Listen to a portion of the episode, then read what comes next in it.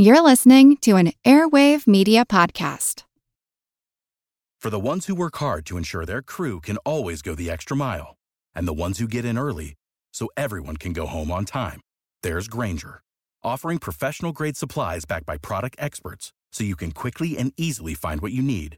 Plus, you can count on access to a committed team ready to go the extra mile for you. Call, clickgrainger.com, or just stop by. Grainger, for the ones who get it done.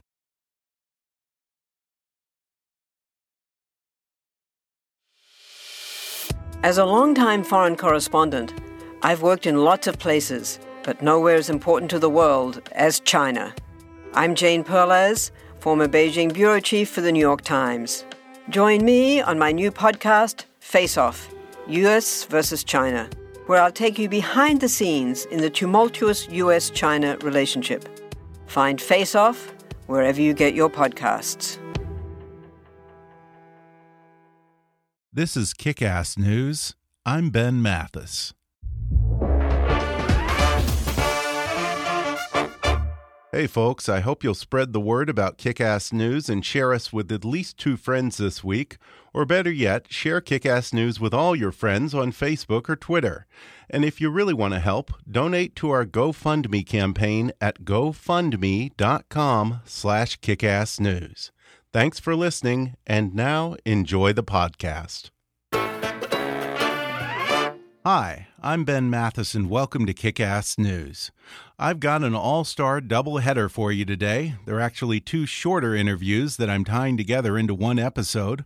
First up, I talk with the governor of Ohio and former U.S. presidential candidate John Kasich about his new book, Two Paths America Divided or United.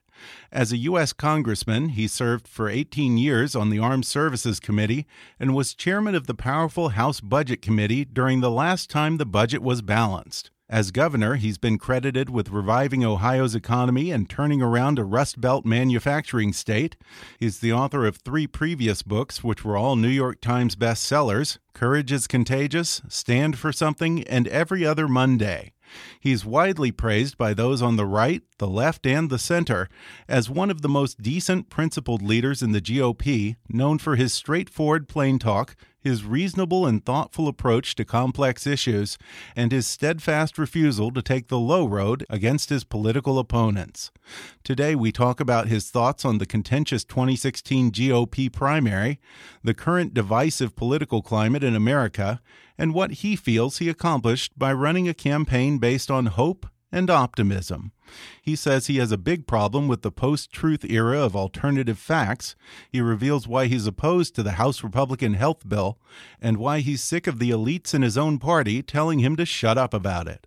Plus, he discusses how the Trump campaign approached his team about putting him on the ticket and why he says these days he's more interested in swimming than running for president. Then, after the break, I'll talk with Dr. Richard Haass, president of the Council on Foreign Relations, who also has a new book called A World in Disarray American Foreign Policy and the Crisis of the Old Order. Dr. Haass served as special assistant to President George H.W. Bush and as National Security Council Senior Director for Near East and South Asian Affairs. Dr. Haass was the U.S. envoy to the Northern Ireland peace process under President George W. Bush and Director of Policy Planning Staff under Secretary of State Colin Powell. He's a recipient of the Presidential Citizens Medal, the State Department's Distinguished Honor Award, and the Tipperary International Peace Award.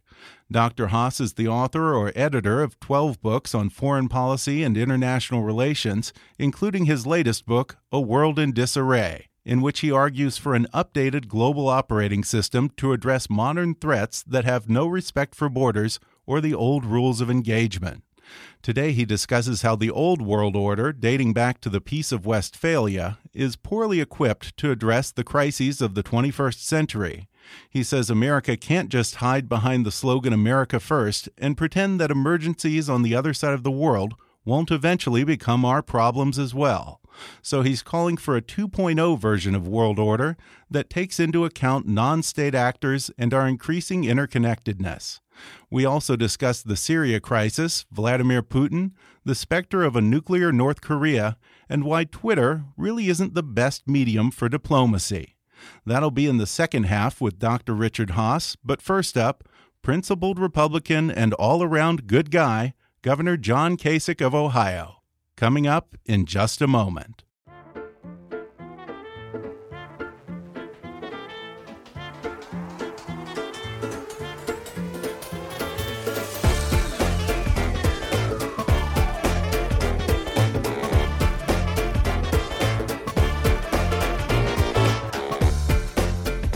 Today I'm sitting down at the Richard Nixon Presidential Library and Museum in Yorba Linda, California with Ohio Governor John Kasich.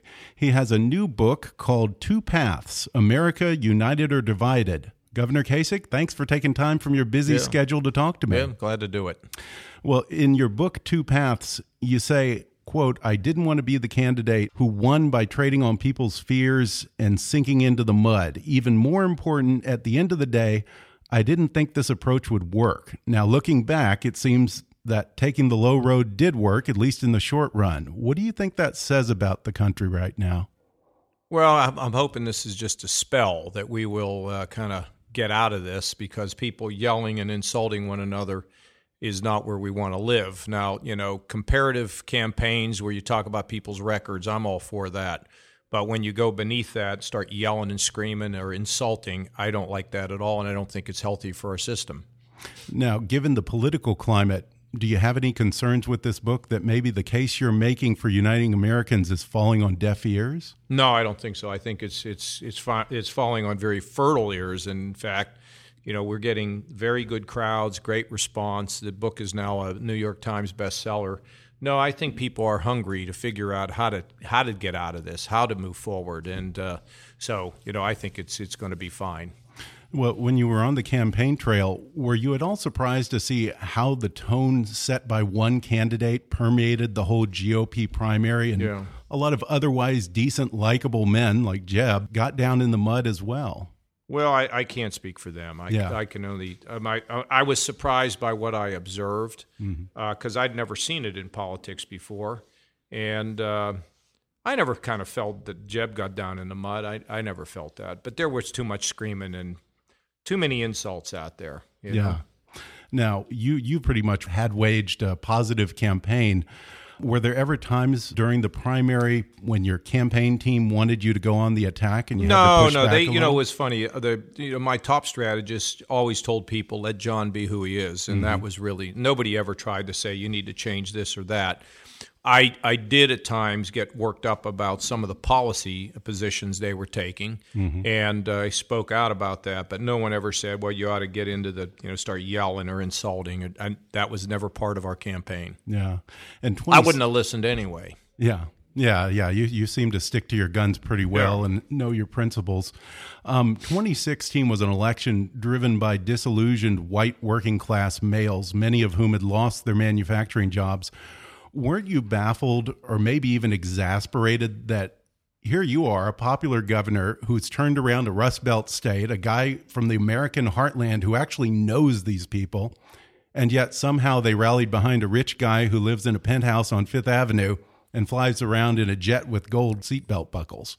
When we had the Ohio primary, I decisively defeated Donald Trump. Right. So it was in the general that he defeated Hillary because I think people wanted a change and he promised that he'd fix all their problems almost overnight. And we know that's mm-hmm. difficult, but they they didn't want politics as usual, and they wanted a change. And this gave them an opportunity to do something to try again, because a lot of people don't have much respect for politicians and, and their experience, and it's just the way it came out. But these were your people. I mean, this is like I said, you're a, a, man who has turned around a Rust Belt state, and you know these disaffected voters who've lost their manufacturing jobs. Yeah. And why didn't that resonate with them? I mean, here well, you were did. someone who had experience it did, with them. because it did right. because when he ran against me in Ohio, he was right he was dis, in Ohio. Dis, yeah. yeah. So why didn't it work in other places? Because people really didn't know me. Yeah. And they knew him. I mean, this is a guy, you know, a network television star. Uh, uh, you know, a successful businessman, and and uh, they didn't know me. My name mm-hmm. identification was very low. It, it got higher by the end, but it was too late. what does that say about the way we operate now that you have to be a celebrity to get elected it seems no well i mean that's a it's a troubling it's a troubling thing that we're seeing right now but um, you have to have some name identification it's just a, a mm -hmm. given you know the days of jimmy carter sleeping in people's attics in iowa i think are behind us and so that brings about a question as to what's the most effective way to to be a candidate and does it mm-hmm. exclude a lot of people or are there unique ways that people can use technology uh, to catch fire and you know the normal process of going through New Hampshire uh, starting in Iowa going to New Hampshire if a candidate emerges then I think there's a an opportunity to get a big bump and to become known and I think that it just didn't work that way this time but could it work in the future yes I, at least I hope so that's sort of building from the bottom up and getting known, I hope, is a process that we'll respect. And I think a lot of people in the media today are longing to bring that kind of a thing back. Mm-hmm. I, I expect, I, that's what I kind of believe. And you say that the 2016 campaign wasn't the victory you'd hoped for, but you feel that you made a difference. So, in a sense, it was a victory of sorts. What do you feel that you accomplished with the campaign? Well, I think I gave people a chance to be hopeful about something. Um, mm-hmm. I think that, uh, you know, look, I, I go around, people walk up to me in airports, on the street, and diners, wherever the heck I am, and thank me for having run a positive campaign. And so life is short. So I may not have been president, but uh, I got I've got some other things, and uh, you know, and that's not, that as Ed Koch said when he ran for governor of New York and he was still mayor. He said, you know, I didn't win, but you know, being mayor that ain't bad, and I'm the governor of Ohio, which is really terrific. Yeah, and if nothing else, I will say that friends of mine who are Democrats and independents all throughout the campaign, they said to me during the election, knowing that I'm a Republican, all those guys in the GOP primary scare the hell out of me except for John Kasich. Yeah, well, they should have switched parties and voted for me. That's talk is cheap in life. You know, yeah. you can always say things. Oh, you know, if you run again, I'll help you, or you know, all this other stuff. I said, did you buy my book? I By the way, two. I bought two. Okay, there you go. I'll give one to the Democrat friend. How about that? Okay.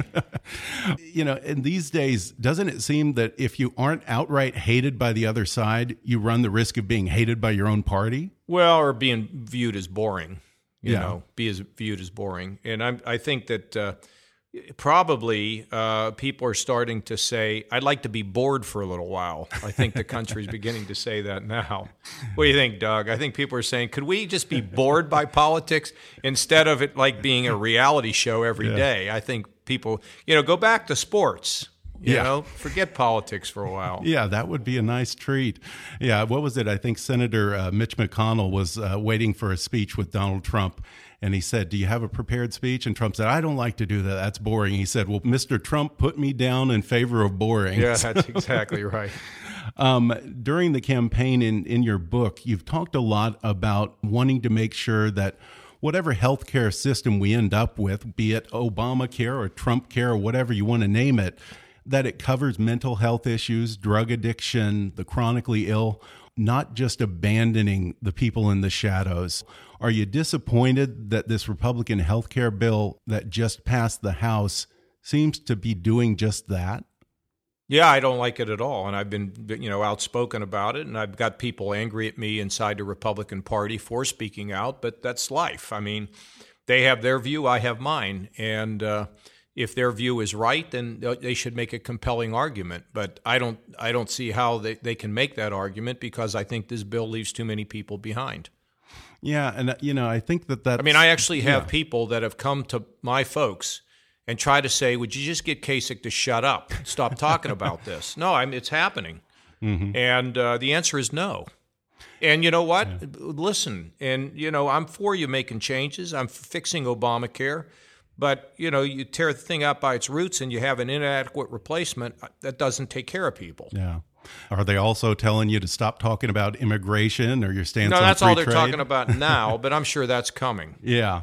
Well, you know, I think that that's what I liked the most about you is there was a conspicuous absence of sound bites and simple, easy answers. It was very easy to say you're going to deport millions of people or we're going to scrap Obamacare but you were the one guy who acknowledged that sound bites enacted into policy can actually hurt people. It can change families' lives. Well, think worse. about this. Say you tell uh, somebody who's a, a coal miner or a steel worker, you know, but next year we're going to have all your jobs back. Well, what happens when they don't get them? Mm-hmm. What happens to that person? What does that person think? Where does that person go? And these are vexing problems. People who had jobs who all of a sudden don't have them. But where's the plan to try to train them? Where's the plan to try to get them somewhere where they can be successful? Empty promises don't mean much in life. I mean, it's it's give me something that I can I can believe in. Yeah. And speaking of empty promises, you say in the book you have a real problem with the post-truth alternative facts universe that's taken over Washington is that just the Midwesterner in you, or? Well, we need to know what the truth is. I mean, how are we yeah. supposed to know? You know, I always wondered, did George Washington really cut down that cherry tree? You know, and I can live without knowing the answer to that. But there are some truths that we need to hang to, mm-hmm. and just because somebody present, you know, I'll give you a good example. I was doing a, an, having an interview the other day, and I was talking about how people on the exchange under the House uh, health care bill would only have three or four thousand dollars to buy health insurance with. And the guy goes, "Well, that's simply not true." Well, it is true. Okay, the truth does matter. Yeah, you know, it does matter, and so we need to find it. And every time that somebody says something that represents a truth that we may not like, we can't say, "Well, that's fake news." There are some truths. I mean, we're going to go off the cliff if we can't figure out the truth. Now, in the book, you say that you were offered and declined a chance to be Trump's VP. No, I wasn't. Oh, you weren't? No, okay. I wasn't. That was a staffer that got a call, but oh, it wasn't okay. to me. But if okay, so via the staffer. Well, I don't know. I don't. I, mean, okay. I, you'd have to read it. It's more complicated okay. than that. But I would not have been interested in that. Okay. Well, since we've established you're not interested in that, what does interest you? You said that you're Me unlikely now, my to golf run game. I'm looking forward to that. Selling my book, mm -hmm. getting back with my family. Yeah. Running the state of Ohio. That's what yeah. I'm interested in now. Getting back in the swimming pool. Getting mm -hmm. fit again after this tour. That's the thing I'm I'm looking forward to. So today's the end of the tour, yeah. uh, you know, with this real rush. And then I head back to Ohio. There'll still be more things I'm going to do around the country, uh, but I'm getting ready to head home, and I'm yeah. looking forward to uh, to being with my family. Well, you said that it's unlikely that you'll ever seek public office again. Do I detect a note of frustration, or is it no, because no, no? No. It's you, you know, just want to do something in, else? And everything in life. Yeah, I had a great time when I was out. Now mm -hmm. I'm going to go out. We'll see you never know when the horn, the bugle blows, and you're, you're expected to suit up again. You never know. But uh, right now, I'm just looking forward to the near term. Well, how good of a swimmer are you right now? Terrible, but I'm doing it. I am a very, very bad swimmer, yeah. but it doesn't matter because it's all about exercise and fitness yeah. and aerobics. And uh, so the worse you are, the better it is for you. And as you get to be a great swimmer, like my friend who swam between Europe and Asia, you know, for him, it's a piece of cake. For me, it's really a vigorous workout. And that's why I look so darn good. Yeah. Well, I say if I don't sink, then that's a good day. Yes. Well, or drown. before we wrap up, uh, you conclude the book with a letter to your two daughters What's the message that you want them and other young people to take away from that letter? Be idealistic, change the world. Don't become cynical, and believe in yourself that you're, the things you do in your life can make uh, can really make this country and our world a much better place. Well, again, the book is called Two Paths America United or Divided. Governor, if there's such a thing as a decent politician, you are surely it. Thanks for taking Thank time to talk very, to me. very much. God bless you, and good luck okay. with this brought with the with the whole business of podcasting. Because what it does is offer people a whole nother point of view, and I think it's very, very cool. And I might start doing it myself. I was just going to say that. You know, maybe that is the next step for you. Thank you. I'll good luck. certainly endorse it. Thank you, Governor. We're going to take a quick break, and then when I come back, I'll talk with Dr. Richard Haass, President of the Council on Foreign Relations, when we come back in just a moment.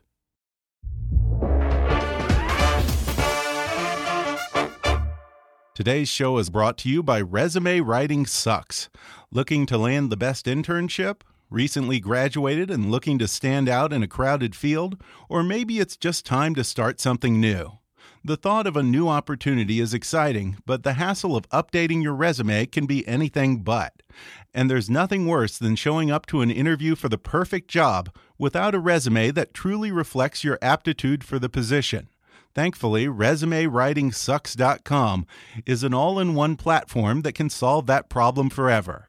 The RWS software perfectly tailors your resume for the job you want by scanning and editing it in real time.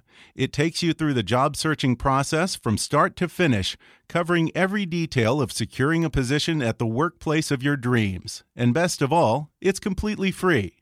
Your resume can make or break the chances of getting the job you want, so head over to resumewritingsucks.com and start creating your perfect resume today. That's resumewritingsucks.com.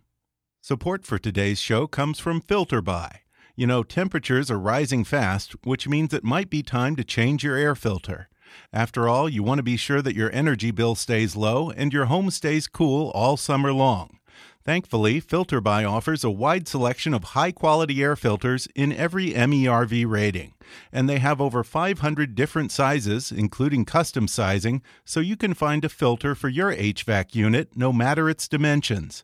Better yet, all orders ship within 24 hours direct from FilterBuy's U.S. factory to you, so you get the best price possible. No middlemen, no markups. Even shipping is free within the continental U.S., so breathe easy with a filter you can count on from FilterBuy. Now, for a limited time, our listeners can even get a 10% discount by going to filterbuy.com slash kick. That's filterbuy, spelled B-U-Y, dot com slash kick for 10% off your new air filter. And now, back to the podcast. Dr. Richard Haass is the president of the Council on Foreign Relations and author of A World in Disarray American Foreign Policy and the Crisis of the Old Order. Dr. Haass, thanks for joining me. Thanks for having me. In your book, you call for a 2.0 version of the world order. But first, let's define what the 1.0 version was in your book, you talk about the Peace of Westphalia, which probably are a number of people who don't have much of a memory for that. But uh, how did that define what countries are, why countries shouldn't be invaded, and sure. why borders should be respected? Well, I don't think too many of your listeners will have personal experience since it was uh, the middle of the 17th century. uh, look, before then, there, there was a world of uh, entities. Many of them were principalities or weren't even what we would call countries. And there was uh, rather regular, frequent wars, interventions in modern parlance. And what happened after the Thirty Years' War in, in Europe, which was a three decades long political religious struggle within and across borders, you had this peace, the so called Peace of Westphalia, and it set up a system that I call World Order 1.0, where essentially sovereign states, countries, were the basic building blocks in the world. And the, the bargain was uh, countries will not invade other countries, use military force to change borders, and will pretty much let one another do as they wanted within their borders. It was a kind of live and let live world. Now, obviously, it broke down many times. We had the two world wars the previous century, but this was the the, the, the basic uh, approach to what order there was. And what I've argued is simply that in this modern world of ours with globalization, where all sorts of things cross borders in great uh, volume with great velocity, uh, whether it's uh, terrorists or uh, digital stuff, whether it's good things or, or hackers or uh, diseases or trade and goods and services, you name it that what we need is a world that takes this into account and essentially saying that what goes on in your territory can no longer be your business alone if what goes on goes on inside your territory can hurt us. That's what we learned on 9/11 from Afghanistan. Uh, that's what we learned, say, more recently with the Zika virus. Uh, it's what we uh, learned, what Sony learned the hard way from North Korea, what many Americans learned because of Russian hacking during the election. So, what I want us to do is set up a world order where sovereign entities, where countries have obligations to essentially police what goes on inside their own territory if those things can hurt uh, other countries. And that's my idea that I think ought to animate American uh, foreign policy. And we would expect this of others, and we would have to be willing to do the same ourselves. So, if that is the version 2.0 of world order, and we just defined the old version of world order, what was the creation of the UN and the Cold War? Is that 1.5? well, that was really well within 1.0. Mm-hmm. And you know, the Cold War was just a different political configuration. What you had were two poles, two concentrations of power. But even then, you had all sorts of disciplines and rules. The two countries, the United States and the Soviet Union, were actually quite careful. Understanding that in a nuclear age, if they ever came into direct conflict, it could quickly escalate and get out of uh, get out of hand. And you did have uh, institutions like the UN. Uh, the International Monetary Fund, uh, the World Bank, and others, which were meant to help uh, help manage uh, a world which have elements of interdependence, elements of globalization. And the problem with the, most of those institutions is they're now 60, 70 years old. They're creaky. The uh, power structures within them aren't accurate. I, I, I don't think any of your listeners would design a UN Security Council that looked like this one if he or she mm-hmm. were, were starting from, uh, from scratch. We didn't even have the internet uh, back then. So there's big parts of, of international life that are simply inadequately governed or or ungoverned. And that's why, again, I think we need a, a 2.0 operating system for the world because, again, other issues like climate change, if we don't get on top of these issues, they will get on top of us. And there's no unilateral uh, answer. And again, we no longer have the luxury of saying, uh, what goes on in your country is your business alone, because what we've learned is that nothing stays local for long. One way or another, things uh, get on the, the highway of globalization and they come to us. And that's why we suddenly find ourselves with a stake, with interest in what's going on inside the borders of other countries. Right, because it seems that in the 1.0 version, it related mostly to respecting borders of nation states. But if there was something like, say, Tahrir Square, that wouldn't have been our problem. We wouldn't have right. been concerned about it. We might not have even known about it in the in the in the old world order. You're exactly right. Because what we may not like certain things, like a Tahrir Square or like a Tiananmen Square in mm -hmm. China, but those are not things that have uh, direct repercussions for us. And what mm -hmm. I'm trying to do is draw a distinction between things that go on inside of other countries that don't have adverse consequences for others.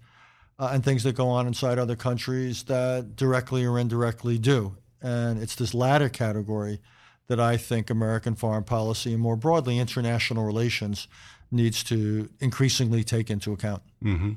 It seems to me that this is somewhat in opposition of much of the president's policy of America first and let's not get involved in Syria until very recently. let's well, fair enough. And I think uh, America first is to a large extent inconsistent with this. I think mm -hmm.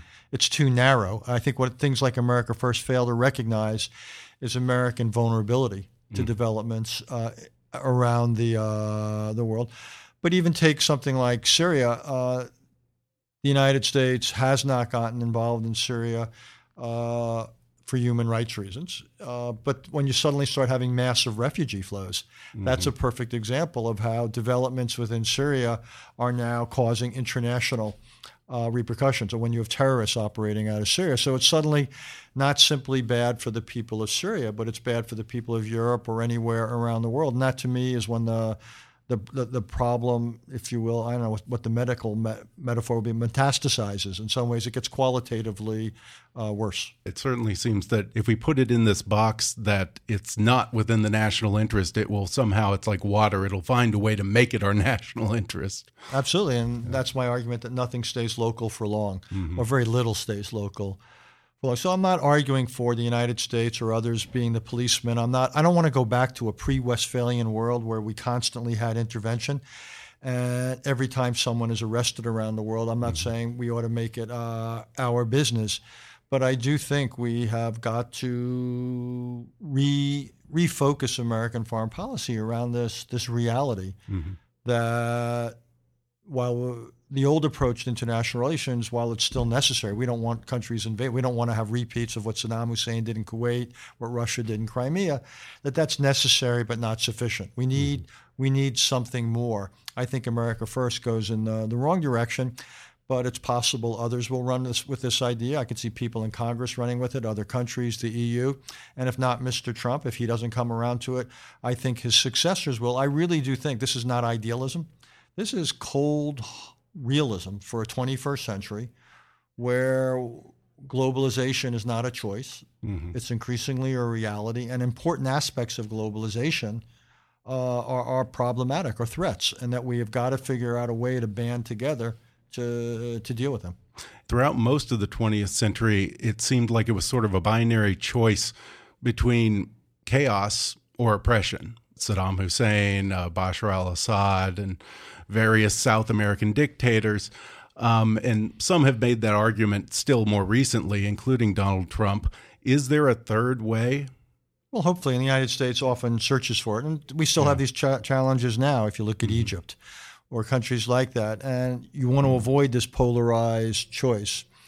And we want to avoid, particularly when situations go bad, uh, we don't want to simply turn our backs on them. On the other hand, we don't want to be intervening or interfering everywhere. So, where we can set in motion certain types of positive trends, where we can discourage certain types of uh, repression, uh, we obviously want to uh, do that. In some cases, that we may not have the ability.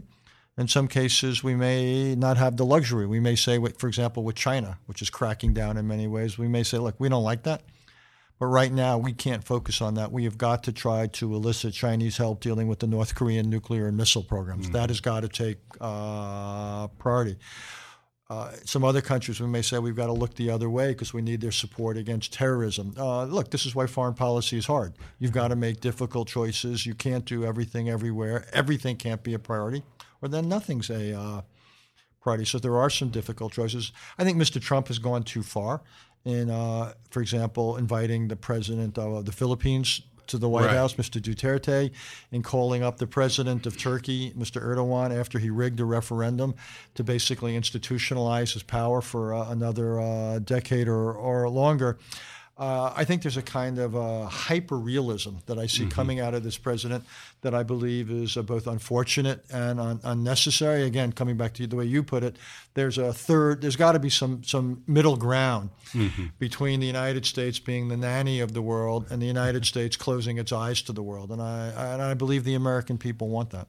Yeah, and certainly Duterte seems like the perfect example of you know solving chaos with oppression. Sure, it's it's ironic that this is an administration that's closed its borders to a large extent to all sorts of people who are uh, you know are they, because they fear they're going to commit crime or what have you.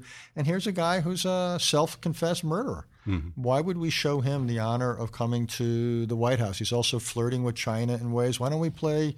Why aren't we playing tough with him and show that this kind of behavior at home, this kind of uh, anti-American foreign policy, rather than get rewarded for it, you pay you pay a price for it. I just don't understand mm-hmm. why we would uh, be willing to to move closer to somebody like that.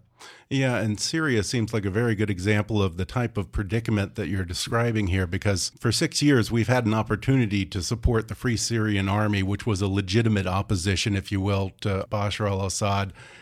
And by all accounts, they seem to be decimated at this point for lack of support on our part, and ISIS has eroded them. Is there at this point a third choice aside from Bashar al Assad or ISIS in Syria? Well, there's Is lots there of other left. I don't mean to minimize it, but there are other choices. Yeah, uh, uh, you have good choices. for lack well, you have the word. Syrian Kurds yeah. who have been our principal right. partner against uh, ISIS. I haven't given up on finding on finding certain Sunni uh, opposition groups, and mm-hmm. I think the fact that if American support is more forthcoming, the fact that we use military force in a limited fashion against Bashar al-Assad's government after it used chemical weapons, that could begin to have some impact over time. Mm-hmm. But I'm not going to minimize the problems, and it, it, was never easy, Syria. But uh, it certainly the choices have gotten less palatable mm-hmm. as as time has gone on. And the lesson, in some ways, of the Obama years is that inaction can be every bit as consequential as action. So if George W. Bush did too much by going into Iraq in 2003, I think history will judge that Barack Obama repeatedly did too little mm-hmm. in, in, places like uh, Syria, also in uh, Libya after we removed the government there, in Iraq by pulling U.S. forces out. Uh, I think history will be quite harsh on him uh, for what he didn't do, as much mm-hmm. as it might be on his predecessor for what he did do. Mm-hmm. Now, if we're going to follow up the bombings of Bashar al Assad's Air Force base with any other measures, how do we manage the relationship with Russia in Syria? Well, I actually think at some point the United States and Russia could conceivably find ways to cooperate in Syria. Mr. Putin is many things. Sentimental is probably not one of them. unlike Iran, which has a deep seated, probably as they see it, vital national interest to stay involved in uh, Syria, I don't think Russia's is quite so great.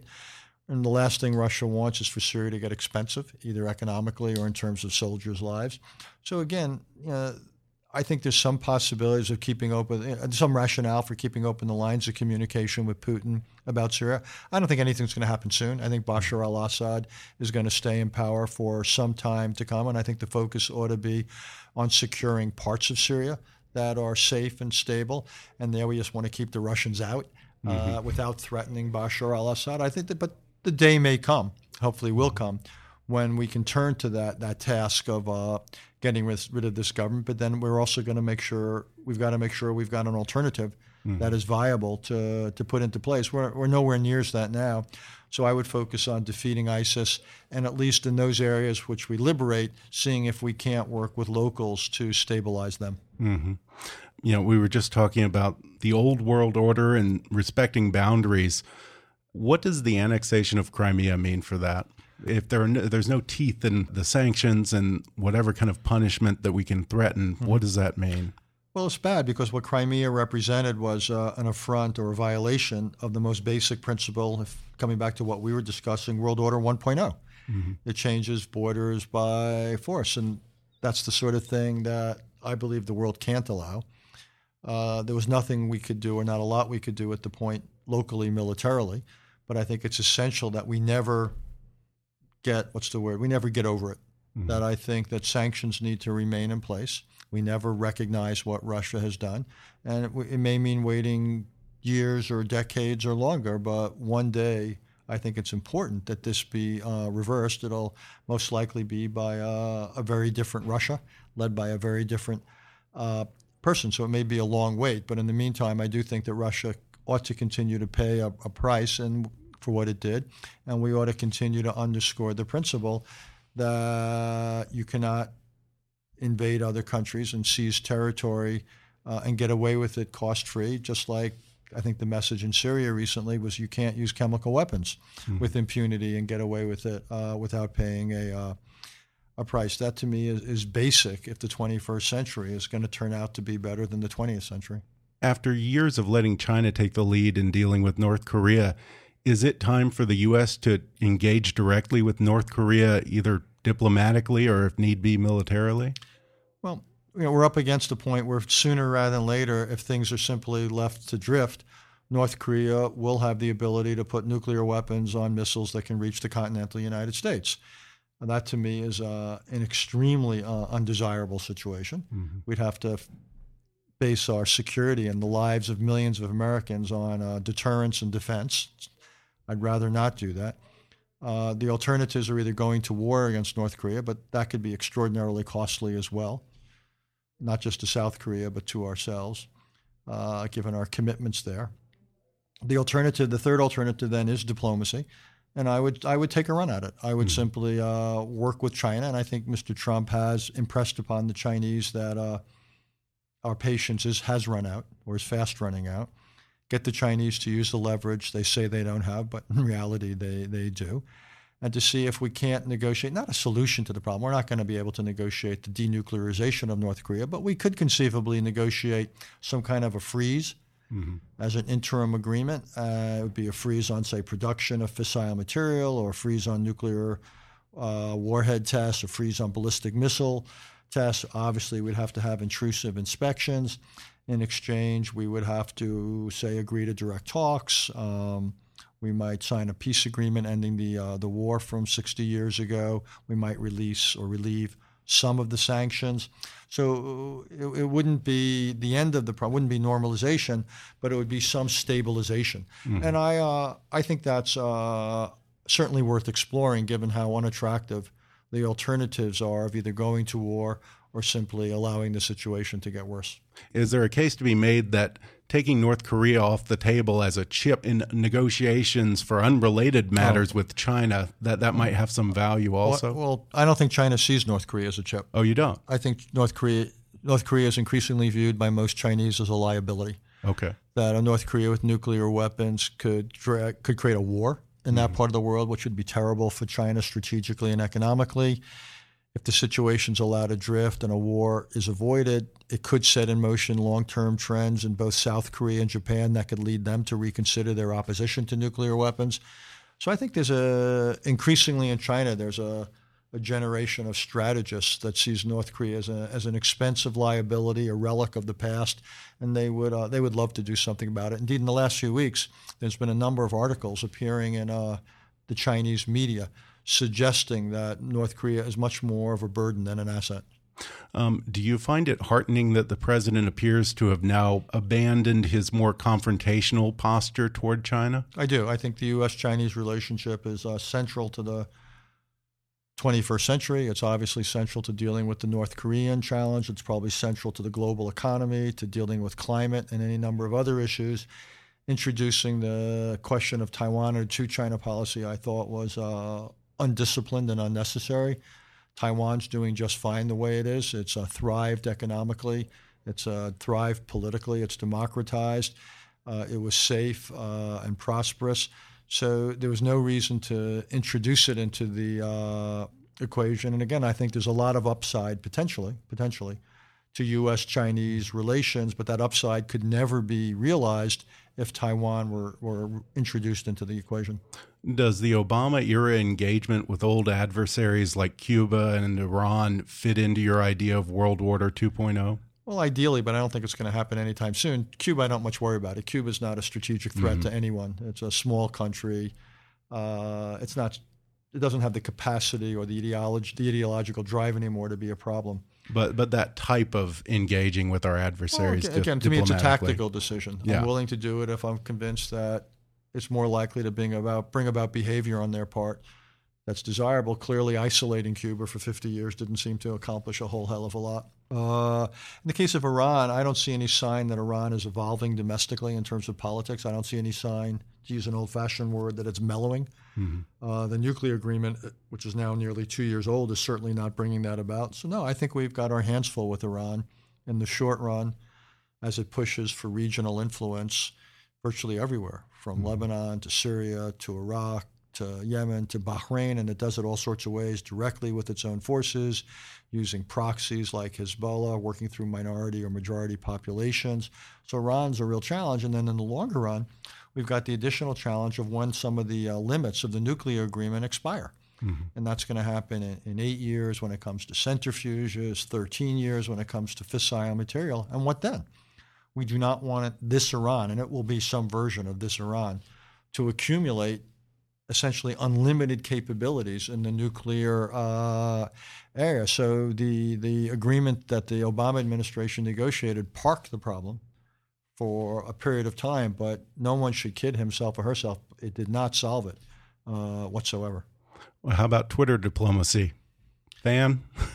uh, no, it's not. It, it's too short and it's it's not considered. You can't introduce it's it's too dangerous to press the send button, mm-hmm. and the character limits doesn't you know doesn't give you the opportunity to explain or or doesn't introduce nuance. nuance. Not big on nuance. Uh, what's good about it though is that look social media has a reach. Mm-hmm. And not everyone's going to read the New York Times or listen to your podcast or read The Economist or whatever. So, you know, when someone has millions of followers on Twitter or Facebook, as somebody like this president does, it can be a powerful tool to to reach people not only in your own country but uh, but around the world. So I think it has a role to play. Don't get me wrong. I use it. I'm a big fan of Twitter, and I use it both to transmit thoughts I also find it a, re- a great learning tool. I, every time I go on Twitter, really? I read stuff, I hear stuff that I just didn't know. So I find it a great, almost crowdsourcing of information. Uh-huh. So every day I spend some time on it just to learn, to, to see yeah. stuff that's going on. I discover articles I didn't know about that I should read.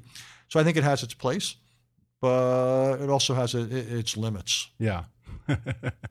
Your book is called A World in Disarray American Foreign Policy and the Crisis of the Old Order.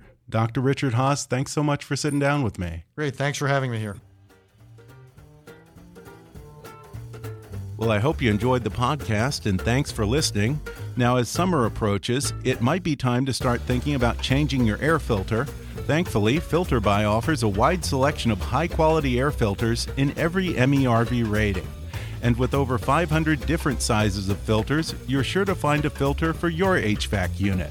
And now for a limited time, get 10% off when you go to filterbuy.com slash kick. Again, that's filterbuy, spelled B-U-Y, dot com slash kick. Thanks again to Governor John Kasich and Dr. Richard Haass for joining me on the podcast. I also want to thank the Richard Nixon Presidential Library and Museum for hosting my interview with Governor John Kasich, and I want to thank the Milken Institute for hosting my interview with Dr. Richard Haass during their 2017 Global Conference. To order Governor Kasich's book, Two Paths America Divided or United, or Dr. Haass's book, A World in Disarray American Foreign Policy and the Crisis of the Old Order, go to Amazon.com or download the audio version of their books for free with a special promotion just for our listeners at audibletrial.com slash kickassnews. You can follow Governor Kasich on Twitter at, at John Kasich or at governor.ohio.gov. Follow Dr. Richard Haass on Twitter at, at Richard Haass, that's spelled with two A's and two S's, and check out the Council on Foreign Relations at CFR.org. Be sure to subscribe to Kickass News on iTunes and leave us a review while you're there. Don't forget to take our listener survey. It only takes five minutes at podsurvey.com slash kick. You can visit Kickass News on Facebook and follow us on Twitter at, at KickassNewsPod. And be sure to recommend Kickass News to your friends on your social media. And if you really want to help out, then donate to our GoFundMe campaign at gofundme.com slash kickassnews or click on the donate button at kickassnews.com. As always, I welcome your comments, questions, and suggestions at comments at kickassnews.com. For now, though, I'm Ben Mathis, and thanks for listening to Kickass News.